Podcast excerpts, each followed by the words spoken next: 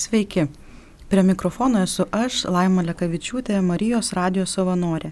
Šioje laidoje šiandien su manimi dalyvauja Bernadeta, Otilija ir Guoda, Kauno Jėzutų gimnazijos mokinės. Šiandien e, šioje laidoje prisiminsime Šventąjį Martyną, ketvirto amžiaus šventąjį. Jis buvo karys, vėliau vienuolis, kunigas ir vyskupas.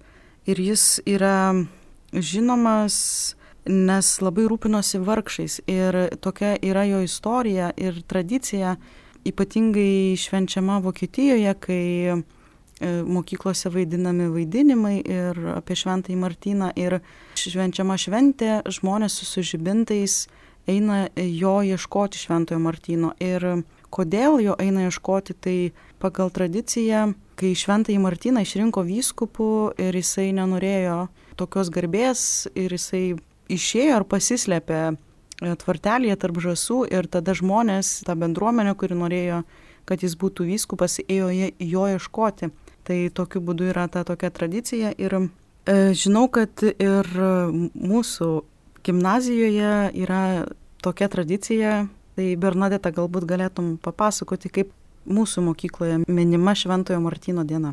Taigi kiekvienais metais mūsų mokykloje penktokai tiesiog bažnyčia švenčia Euharistiją ir vėliau įvyksta vaidinimas, e, jis vyksta vokiškai ir vėliau po visos Euharistijos e, vaikai su savo gamybos žibintais eina į lauką ieškoti šventojo Martino ir dainuoja vokiškas dainas. Ar dar atsimeni, kaip jūs penktoje klasėje vaidinat? Iš tikrųjų atsimenu, kaip dainavom tas dainas ir labai iš tikrųjų geri prisiminimai ir dar man iš tikrųjų dar yra labai įstrigę atmintyje. Galbūt tu dar galėtum atsakyti, kaip tau atrodo, kodėl mums reikia parodyti dėmesį tiems, kurie yra vargšai, nes kai kurie žmonės galvoja, kad galbūt jeigu jie yra vargšai, tai jie patys dėl to yra kalti.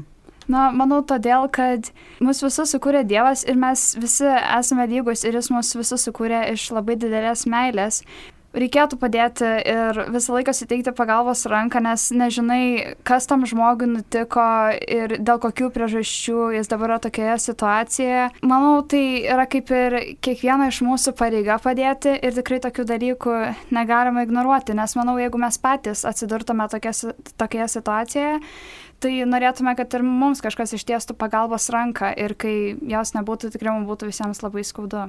Otilija, kaip tau atrodo, ar šiandien vis įkvėpia žmonės Švento Martino istoriją, kaip jis rūpinosi vargšais, kad net sutikęs Elgėt ir neturėjo jam koduoti, tai savo apsiaustą perplėšė pusiau ir atidavė. Tai manau, kad tai yra labai puikus pavyzdys ir parodo, kad mums nebūtina daryti didžiulių žygdarbių, eiti į kokius streikus, e, nežinau, dar daryti kažką labai labai didelio ar skelbtis, o mes galim kažką padaryti tokio mažo mažo, kas gali reikšti tam kuris, tarkim, kenčia ar kuris kažko stokoja, nu jam gali reikšti daug daugiau. Tai jeigu teisingai suprantu, tai tu sakai, kad mes turėtume tiesiog pamatyti šalia savęs esančius žmonės. Mums prieš pradedant laidą, tu papasakai tokią gražią istoriją, kaip tu pastebėjai vargšą žmogų ir galėtum tu gal papasakot apie tą įvykį, kaip tu pastebėjai Tai buvau Kauno rotušėje ir ten buvo vienas vargšas žmogus, tai man jo labai pagailo ir kažkodėl, nežinau, kažkoks balsas galvas užnipždėjo, kad galbūt aš galėčiau tiesiog pasidalinti su jo maistu. Ir nunešiau ir paskui kažkaip jaučiausi tokia kaip pakilėta ir tokia, kažkaip buvo labai keista, nes niekad nebuvau daręs kažko tokio, kad kitam atiduodu savo maistą arba kažkas tokio, tai buvo labai gera. Na, ačiū tau, Otilija, kad ne tik pasidalinai, bet kad išdrįsai tokį darbą padaryti. Galbūt iš jūsų kas nors irgi esate kažką tokio paprasto padarę. Tai taip, kartą per kalėdas mes kažkaip su broliu ir kartu su pasuriais mes buvom pas mus namie ir kažkaip pagalvojom, kad kažką reikėtų padaryti daugiau per šias kalėdas, vat, ar padėti kažkam. Mes radom įvairiausių, labai ten daug visokio įpakavimo popieriaus ir mes nusprendėm, kad pas mus yra tikrai labai daug maisto, buvo susirinkę giminių ir mes galvom, kodėlgi mums tiesiog jam nenunešus to maisto ir taip pat padarėme gražius atvirukus ir nu, parašėm po kalėdinį palinkėjimą, kad jis e, ir juos pradžiugintų. Ir tiesiog e, po mišių mes ėjome, vaikščiam Kauno centre ir tiesiog nunešėm e, vargšams ar seneliams ar kitiems žmonėms, kurie matėm, kad reikia pagalbos ir tiesiog pasveikinom juos su kalėdom ir įtikėm tos dovanų maišelius ir aš mačiau, kad jiem tikrai labai patiko ir viena moteris netgi šiek tiek susigaudino, tai buvo tikrai labai nuostabu. Bernadeta čia paminėjo irgi kalėdas. Prisiminiau tokį įvykį, kad mes prieš kalėdas su šeima suradom tokį internetinį puslapį, kuriame neturtingų šeimų vaikai parašo tai, ko jie norėtų kalėdoms. Ir mes pamatėm dvi mergaitės, sesės jos buvo, viena iš jų norėjo kuprinės naujos, kita norėjo mokyklinę stalą. Aš padaunau į savo kuprinę, nupirkom joms naują stalą, nuvežėm į kitą miestą, pabuvom su ta šeima, pabendravom, dar jie turėjo du mažus brolius, dvinukus, su kuriais irgi labai miela buvo bendrauti. Wow, nuostabu, vaikai nori tiesiog kuprinės arba stalo, kai, kai kurie vaikai tiesiog nori naujausio telefono ar kažko. Nu, nu gražu, gražu girdėti apie jūsų nuostabius darbus. Ir guoda, galbūt kaip tau atrodo, kokios rūšės skurdo mes, mes šia, šiais laikais matom? Ar... Manau, kiekvieną dieną galim pamatyti vairius skurdo pavyzdžius. Tie patys benamiai sėdintis laukia kiekvieną dieną e, šalą ir prašo maisto ar pinigų. Galim jiems padėti, kažką nupirkti ar duoti. Taip pat yra ir neturtingų šeimų, kaip minėjau, yra senelių namai, vaikų tie patys namai, kas, manau, irgi yra viena iš tokio gal skurdo pusių, nes jie kažko neturi, nes tas skurdas nebūtinai reiškia, kad ten pinigų, maisto namų, gal tai yra kažkas giliau. Paminėjai senelių namus, tai turbūt e, ten esantiems žmonėms labiausiai, labiausiai trūksta ir jie stukoja tiesiog dėmesio, su kuo pasikalbėti. Gal esate buvę senelių namuose, kas nors iš jūsų? Ir vat prisiminiau, mes buvom kartą senelių namuose kartu su folkloro grupe ir mes tiesiog jam, dar buvo ir keletas kitų ansamblių ir mes tiesiog jam padainavome, pašokome ir šiek tiek su jais pabuvome, pabendravome ir buvo labai toks nuostabus jausmas, net nemoku apibūdinti, kai tu žiūri tiesiog į jų akis ir pas juos labai retai tokie dalykai vyksta ir kai įvyksta va tokie renginiai, tiesiog jų akise tiesiog gali matyti tą tikrą džiaugsmą ir kaip jam reikia tos meilės ir kaip jam tai brangu yra tas momentas.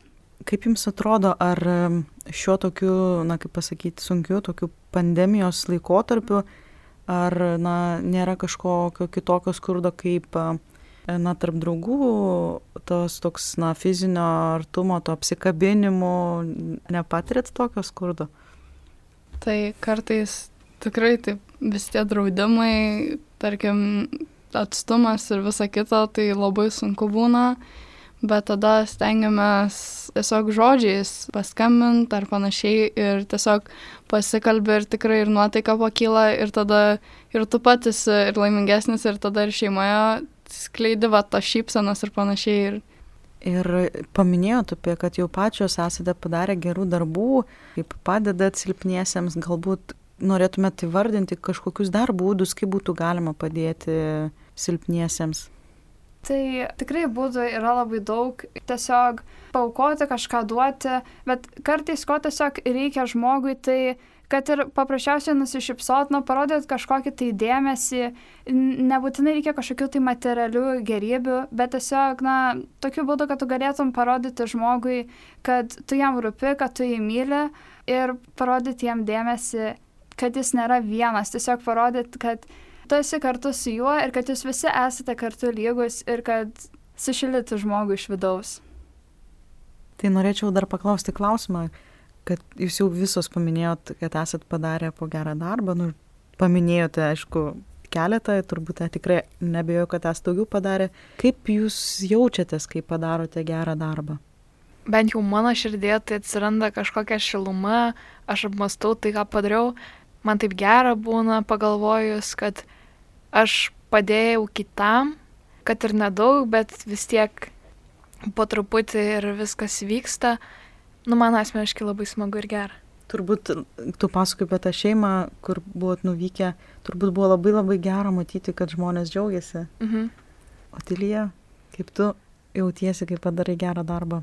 Tai aš jau kaip ir minėjau, kad man buvo labai gera, kai padovanau maisto, bet šiaip dar gal toks jausmas, kad kažkaip ir tau padeda tas, kad tu taip jautiesi gerai, tau padeda taip neliūdėti ir kažkaip tavo, kai savijauta gera, tu dar nori kažką gerą daryti ir taip kaip grandinė tokia išeina gerų darbų ir tada jeigu tu padarai kažkam ir jis daro ir tu pats džiaugiesi, tiesiog kai padarai kažką gero, tiesiog ta grandinė tokia nusitęsia. Bet aš jaučiuosi tarsi atgyvenčiau pati savo sielą, nes kai padarai kažką tai kitam, tu jauti, kad tu kažkokią tai dalelę savo širdies atiduodi kažką tu padovanoji tam žmogui, nesvarbu, ar tai yra materialinis dalykas, ar tu tiesiog, na, su juo pasisveikini, trumpai pasikalbi, bet tarsi aš atiduodu dalelę savęs ir kartu tarsi atiduodu dalelę Dievui ir kažkaip pasijaučiu, lik tai yra va, tas tikras dalykas, dėl ko mes kiekvienas esam pašauktas gyventi ir skleisti meilę ir padėti kitiems. Na, jums vargšai tai rūpi, bet tikrai yra žmonių, kuriem na, vienodai arba net ir ne, nerūpi. Kaip e, tau atrodo, Bernadeta, kodėl daugeliu ši tema apie rūpestį vargšais yra neįdomi? To galbūt dėl to, kad jie patys yra, nėra tiek daug susidūrę su to skurdu, galbūt jų gyvenimuose, na, jo nebuvo, viskas sekėsi gerai, e, netruko jokių pinigų, taip, bet taip pat gali būti, kad žmonės, jie yra patys savyje turi to skurdo, bet tokio vidinio skurdo kad jie tiesiog, na, jiem galbūt trūko meilės, ar jie tiesiog jiem yra sunku pajusti tą meilę kitam žmogui. Tai, vad, manau, yra tas todėl. O Tilija, o galbūt dar kai kurie žmonės nesirūpina vargšiais, nes galvoja, kad yra organizacijos, kurios e, rūpinasi ir turi rūpintis kaip karitas ir kitos organizacijos. Tai manau, kad taip tos organizacijos tam ir susikūrė, kad rūpintųsi, bet tai nereiškia, kad e, jos pastebi kiekvieną, kuriam sunku ir kiekvieną, kuriam reikia pagalbos. Tai manau, kad kiekvienas turim stengtis kasdien pastebėti, va, kam kažko trūksta, nebūtinai daikto kažkokio ar ten maisto, bet tarkim kažkam labai liūdna, tai negi sunku padovanoti šypsaną, tiesiog tai nieko nekainuoja. Guoda, kaip tau atrodo, ką reikėtų daryti, kad e, pasaulyje neliktų vargšų, ar, ar tai labiau misija neįmanoma? Aš tai manau, kad tų vargšų visą laiką bus, nes jeigu visi būsime lygus, tai pasaulis taps pilka masė ir nebus taip įdomu gyventi. Tam ir skirti, kad būtų vieni labiau vargšiai, kiti gal turtingesni, kad padėtų tiems vargšams. O ką būtų galima padaryti, tai gal įsteigti daugiau tų organizacijų, gal patiems kiekvienam bandyti prisidėti ir atiduoti dalelę savęs kitiems mažais dalykais, kuriuos minėjom prieš tai, nes Atilė gražiai buvo pasakęs, kad grandinė susideda iš mažų dalelių. Misija neįmanoma, ar ne, kad neliktų vargšų, bet e, kaip ir Šventasis Martynas, jisai pastebėjo tą žmogų, kuris tokoja ir čia ir dabar jo pasirūpino, ar ne, tai gal nereiktų galvot, kad kiti pasirūpins ir jeigu aš galiu, tai pasirūpinu. Na, mes čia taip gražiai kalbam apie artimo meilės darbus ir e, yra žmonių, kurie tik kalba, bet e, nieko nepadaro dėl artimo meilės. Tai yra ta tik teorija, o ne praktika. Tai ar galbūt teko susidurti su tokiais žmonėmis? Nežinau, e, galbūt ir yra tekę, bet, na, tokių situacijų, vad konkrečiai kaip pavyzdį negalėčiau atsiminti, bet aišku, žinoma, yra įvairiausių situacijų, galbūt tas žmogus, na, nelabai turi galimybių kažką tai, na, kažkaip tai paukoti, bet, aišku, žinoma, ir yra ir visokių kitokių būdų. Bet, na, tiesiog manau, kartai žmonės taip daro dėl galbūt reputacijos ar dėl kažkokių kitokių dalykų, kad, na, pasirodyti ar kažkas tokio, bet tikrai reikėtų kiekvienam viduje atrasti tą ir suprasti, kad duoti iš tikrųjų yra labai nuostabus jausmas, kai tu kažką duodi kitam, ne tik gauti pats savo kažką tai, bet ir duoti kitam. Ir manau, kad jeigu jie bent kartą kažką tokio padarytų ir išgyventų tą jausmą, jie tiesiog patirtų atgaivą ir jie tikrai pasikeistų. Ir taip pat e, tu, Bernadeta, gražiai sakai, kad yra kitokių būdų ir tiems žmonėms, kurie negali padėti, kad ir labai nori, tai gali ir pasimelsti, ar ne? Taip, žinoma, malda iš tikrųjų tikrai labai svarbus yra dalykas ir jis mus kartu jungia vienyje.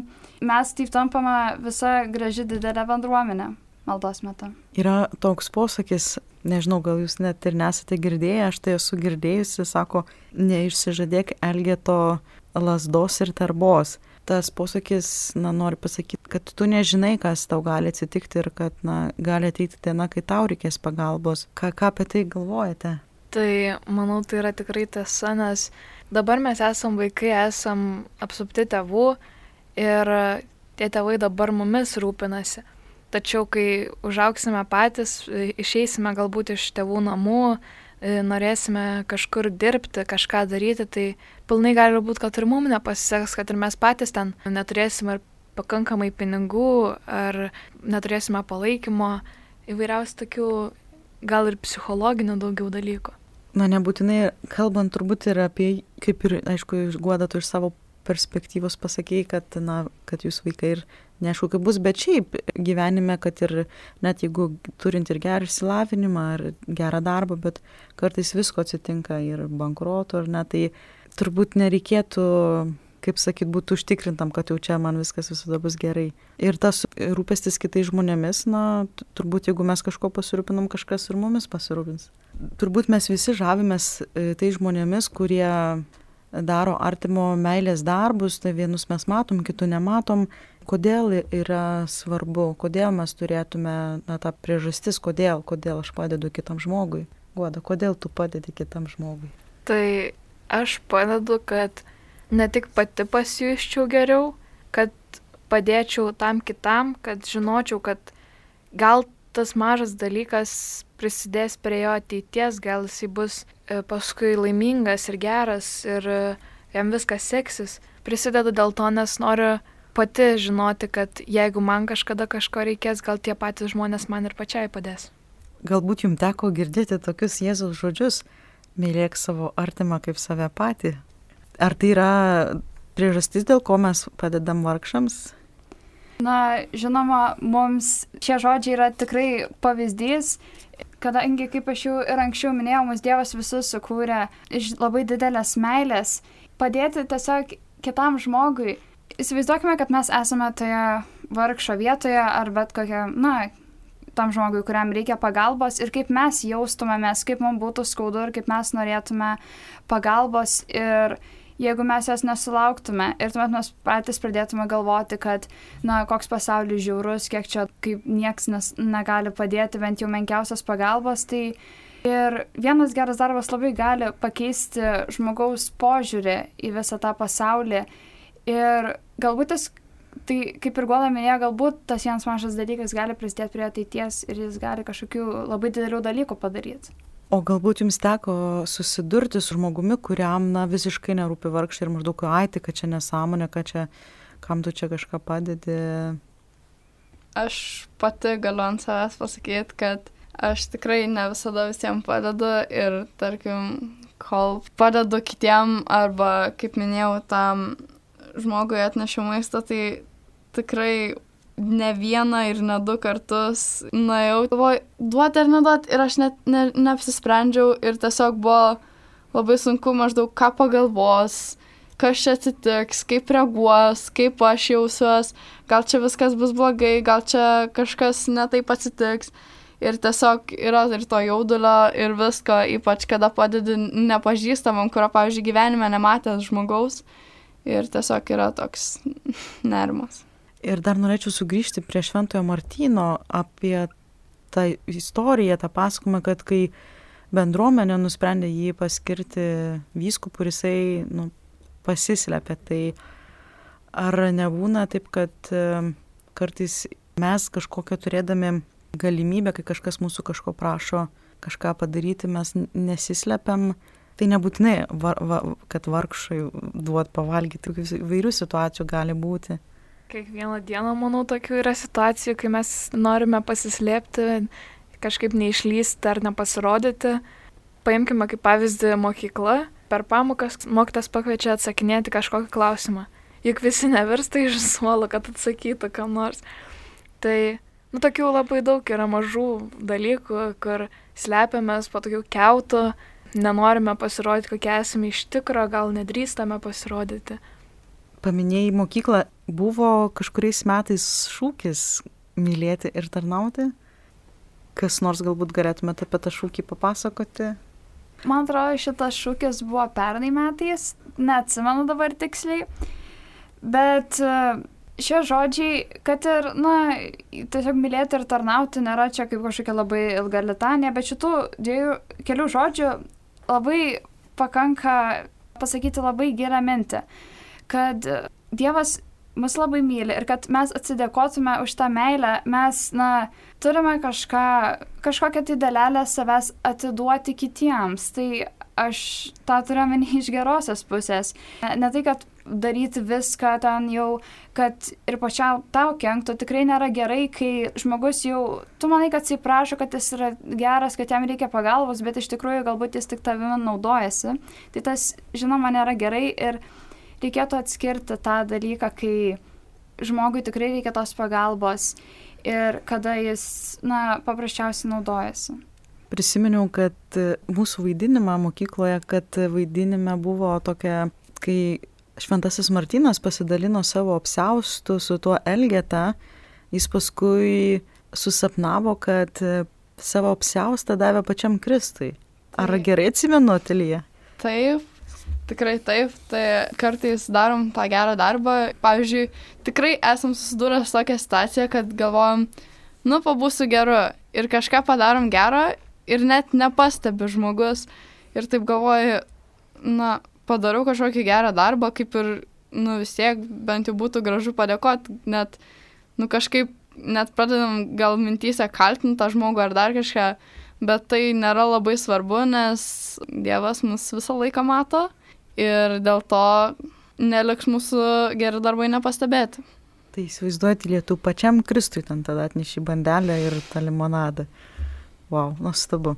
Ir mylėti ir tarnauti tas mokyklos šūkis, na labai tinka prisiminti jį Martino šventėje. Ir aš žinau, kad jūs tarnaujate ne tik visokius gerus darbus darydami, bet ir mišiose patarnaujate. Tai Bernadeta, ar tau tai yra svarbi tarnystė? Taip, ir dabar trumpai aš prisimenu, kaip iš pradžių eidavo guoda su Atilija patarnaut ir jos kažkaip kalbėdavo, kad gal ateik ir tu ir aš galvodavau, nežinau, gal ir visai ateisiu. Ir po to vieną kartą nusprendžiau, na gal gerai, reikia pabandyti. Ir tada atsimenu, dar buvo gan tikrai daug kitų patarnautojų. Ir man visai patiko, iš tikrųjų, man, nu, kai buvau pirmą kartą, aš buvau gan susijaudinusi, šiek tiek pasimetus, nežinau kaip daryti. Vėliau atsimenu, aš pradėjau ateidinėti sekmadieniais ir buvau per kalėdas mišiose. Ir man ta tarnystė iš tikrųjų man tapo labai artima ir aš stoviu prie altoriaus ir tas jausmas, kai žinau, kad atiduodu kažkiek savęs Dievui ir kartu melstis tenai kartu su kitais patarnautais. Nežinau, iš tikrųjų, turbūt vienas geriausių dalykų, nu, sprendimų, kuriuos aš priemiau šiaip gyvenime ir kad tiesiog ateiti patarnauti sekmanys bažnyčioje, na, kad ir ne visą laiką galiu, bet tikrai po visos savaitės labai didelis džiaugsmas būna. Aš pati patarnauju tikrai gan ilgą laiką. Kiekvieną sekmadienį man buvo tokia tam tikra meditacijos forma turbūt. Aš ateinu mišes, aš nueinu į zakristiją, persirengiu, pajakaujam būna zakristijoje prieš mišes. Ir tada susikaupus aš išeinu, mes nusilenkiame, atsisėdame arba stovime, klūpime ir aš atsipalaiduoju, įsigilinu į žodžius, kuriuos sako, tarsi atiduodu save tuo metu kažkur kitur pas Dievą ir leidžiu savo būti mišiose kitą formą. O Tilija, o tau ir svarbi šitą tarnystę? Tai patarnaut norėjau penktojo klasiai, kiek prisimenu, pradėjau, bet uh, guoda iš mūsų turėjo, tai pradėjo pirmą ir kai susitikdavo mokyklą per pertraukas, patarnautojai, jie buvo kaip tokia nedidelė bendruomenė ir aš kažkaip galvojau, kažkaip aš irgi noriu priklausyti kažkokiai tokiai bendruomeniai ir pradžioj buvo tikrai nedrasu, nes visi išskyrus guodo, gal dar vienas klasiokas buvo, uh, buvo nepažįstami ir tiesiog įsidrasinau, pasakiau, kad reikia eiti, nuėjau ir tikrai niekada nesigailėjau. Tai tau svarbi ši tarnystė. Taip. Na, gal ne veltui paminėjau tą patarnavimą prie altoriaus Kristui, nes turbūt lygiai, lygiai tiek pat mes galime patarnauti Kristui ir kažkur gatvėje, kaip Bernadeta labai gražiai yra minėjusi, žmogui tiesiog nusišypsant, jeigu mes negalim jam paduoti kažko, ką turim pasidalinti savo maistu. Tai guoda, ar tau atrodo patarnauti Kristui per mišes prie altoriaus ir patarnauti Kristui sutiktam žmogui gatvėje kažką tiesiog nusišypsant ar duodant, ką galiu tuo metu, kad na ir eurą, jeigu bandelės neturiu, tai ar va tokios dvi tarnystės, tai Kristui turbūt abi svarbios. Tai manau, kad abi dvi yra svarbios, galbūt net tiek pat, nelyginant, kad ten daugiau kažką padarai ar mažiau, vis tiek tu tuo momentu pabūni tarsi su Dievu ir pagalvoji apie tai, gal pasimeldi, pabūni su savimi ir su tuo kitu žmogumi. Galbūt dar ką nors norėtumėt pasakyti laidos pabaigoje? Kaip ir, galima sakyti, moralas buvo, kad nebūtina duoti vien kažkokią daiktą tam, kuriam jo reikia, bet galima tikrai dovanoti gerą žodį, šypsaną. Prisiminiau iš Evangelijos, kaip du apaštai, neatsimenu vardų tiksliai, Petras arba Paulius, kažkas tokio, e, jie e, pasakė lašam žmogui, benamiui, kad nei sidabro, nei aukso tau neturiu, bet ką galiu duosiu, kelkis reik ir leido tam žmogui vėl vaikščioti. Ir aišku, mes greičiausiai tokių dalykų nelabai galim padaryti, bet mažesnius ir tikrai svarbus galim. Mėly Marijos radio klausytojai, šioje laidoje prisiminėm šventąjį Martyną, kuris rūpinosi vargšiais kaip pačiu Kristumi. Ir šiandien laidoje mes kalbėjome apie artimo meilės darbus mūsų aplinkoje ir savo mintimis ir gyvenimu dalinosi Bernadeta, Otilija ir Guoda. Sudie.